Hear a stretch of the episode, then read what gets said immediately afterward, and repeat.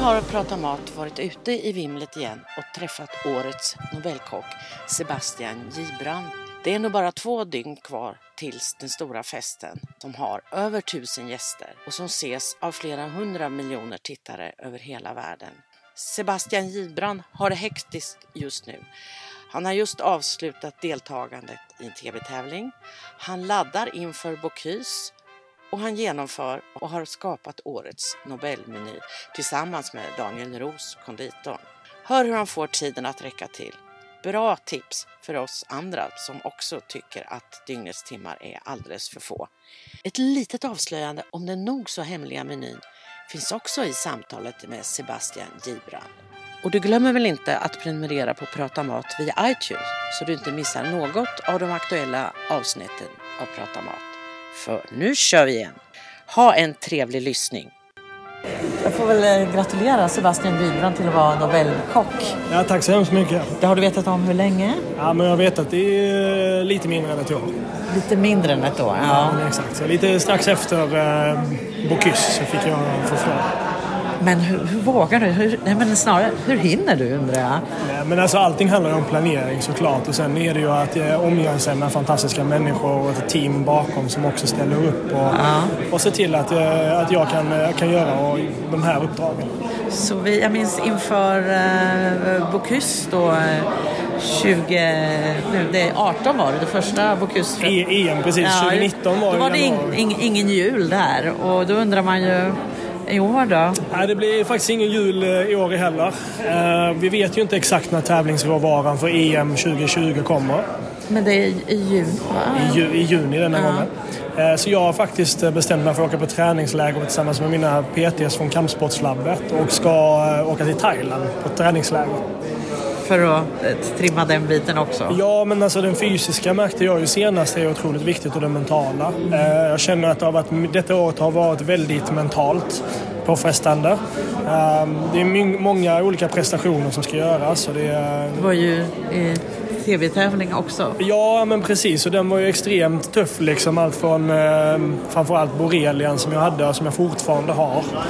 Eh, då var den ju som värst. Jag fick den under där. Så att, eh, Hur ser det ut liksom, insatsmässigt? Det- det hur länge är man samlad där? Och liksom, jag tror det var tre, fyra veckor totalt. Men det är ju från tidig morgon till sen kväll. I en, en vecka liksom, i taget då, eller några Ja, dagar? man kör ja, ungefär en vecka, sen var det paus och sen om det var två, två och en halv vecka till. För jag tänker på din träning då inför Bocuse och allting. Hur du liksom... Ja, nej, men den fick man ju klämma in sen efter så var det liksom i mellanpausen där fick man åka hem och provlaga lite för det här. Och, ja, det har varit ett hektiskt schema hela året så att jag har väl max 10 dagar, lediga dagar sen i början av eh, april.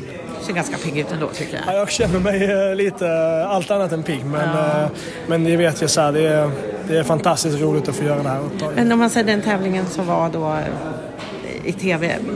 Är det också bra? Ger det träningsrutin? Tävlingsrutin skulle jag Jag skulle vilja säga att det är väl mer en jippotävling, eh, absolut. Och sen är det ju lite tråkigt att man har blivit framställd på ett vis där man kanske speglar mer en tävlingsmänniska än eh, personen Sebastian.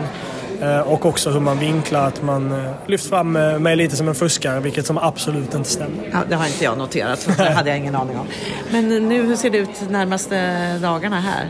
Nej, men nu är vi i full gång. Vi har börjat med de sista förberedelserna inför. Lördag börjar, kommer samlas hela teamet. Ska laga den här fantastiska måltiden. Så att, eh, ja, nu ska vi knyta ihop säcken här efter ett långt och hårt arbete. Och då undrar jag lite, det är ju 40 kockar, några, jag vet ju att de eh, liksom, eh, folk från hela landet ansöker för att få vara med och man försöker byta så att alla får chansen. Har du plockat in några av dina i ditt team?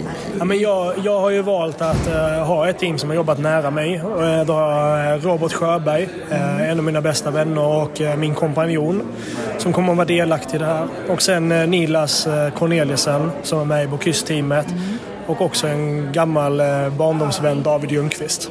Okej, det är de. Så du tar inte med din, dina tävlingskompisar från Norge eller Danmark, tänker jag, de som tävlar i Bocuse? kan de jag, komma? Eh, ja, men de skulle ju kunna ha varit med och jag har faktiskt... Eh, norrmannen har faktiskt varit väldigt delaktig i det här. Jag har vissa tekniker som jag har eh, ringt och frågat om det var okej om jag får lov att använda. Så att han har i hö- allra högsta grad involverad i det här också. Vad, vad blir den stora... Alltså jag vet ju, du kan ju inte säga någonting, då blir, ni blir ju som musslor. Men vad... kan man säga idén bakom den stora överraskningen i menyn, tror du? Kan du säga någonting om det? Vad- Ja, men jag tycker ju att vi ska... Jag, jag vill ju jobba med alltså, råvaran i fokus. Eh, men såklart med en polerad finish. Och då handlar det om det estetiska, att man tar och utnyttjar hela råvaran. Vi jobbar med svenska råvaror från svenska producenter. Eh, väldigt viktigt att lyfta deras arbete. Men sen försöker jag då addera min tekniska finish. Eh, och jag tror att lite jobbat mycket på det estetiska även om det i slutändan är smaken som är det absolut Men säg någon viktigaste. teknik då som är... Du pratade lite om du har fått... Ja, men norrmannen har jag fått låna in. Då har vi en eh, snurrplatta där vi kommer göra en liten eh, kräm som kommer fånga in en sås. Lite mer än så kommer jag inte avslöja. Ja, men det var fint. Okej, men då eh, håller jag tummarna förstås om man ska göra det. Och sen så får man väl slicka sig på munnen lite på distans. Ja, men och sen det finns det man göra. möjlighet att äta menyn sen efteråt. Ja. Ja, men exakt. Det kommer ju finnas på Stadshuskällaren och få möjlighet att testa det här. Så det, Ja, och hela världen ska titta på det. Hur känns det? Nej, men eh, det känns ju... Det är ju stor press såklart, men eh, att man växer med utmaningar och ska man stå på högsta scenen och tävla bland annat i Bocuse d'Or, världens mest specifika kocktävling så då har man börjat bli van. Ja, Okej, okay. tack ska du ha. Tack själv. Sebastian.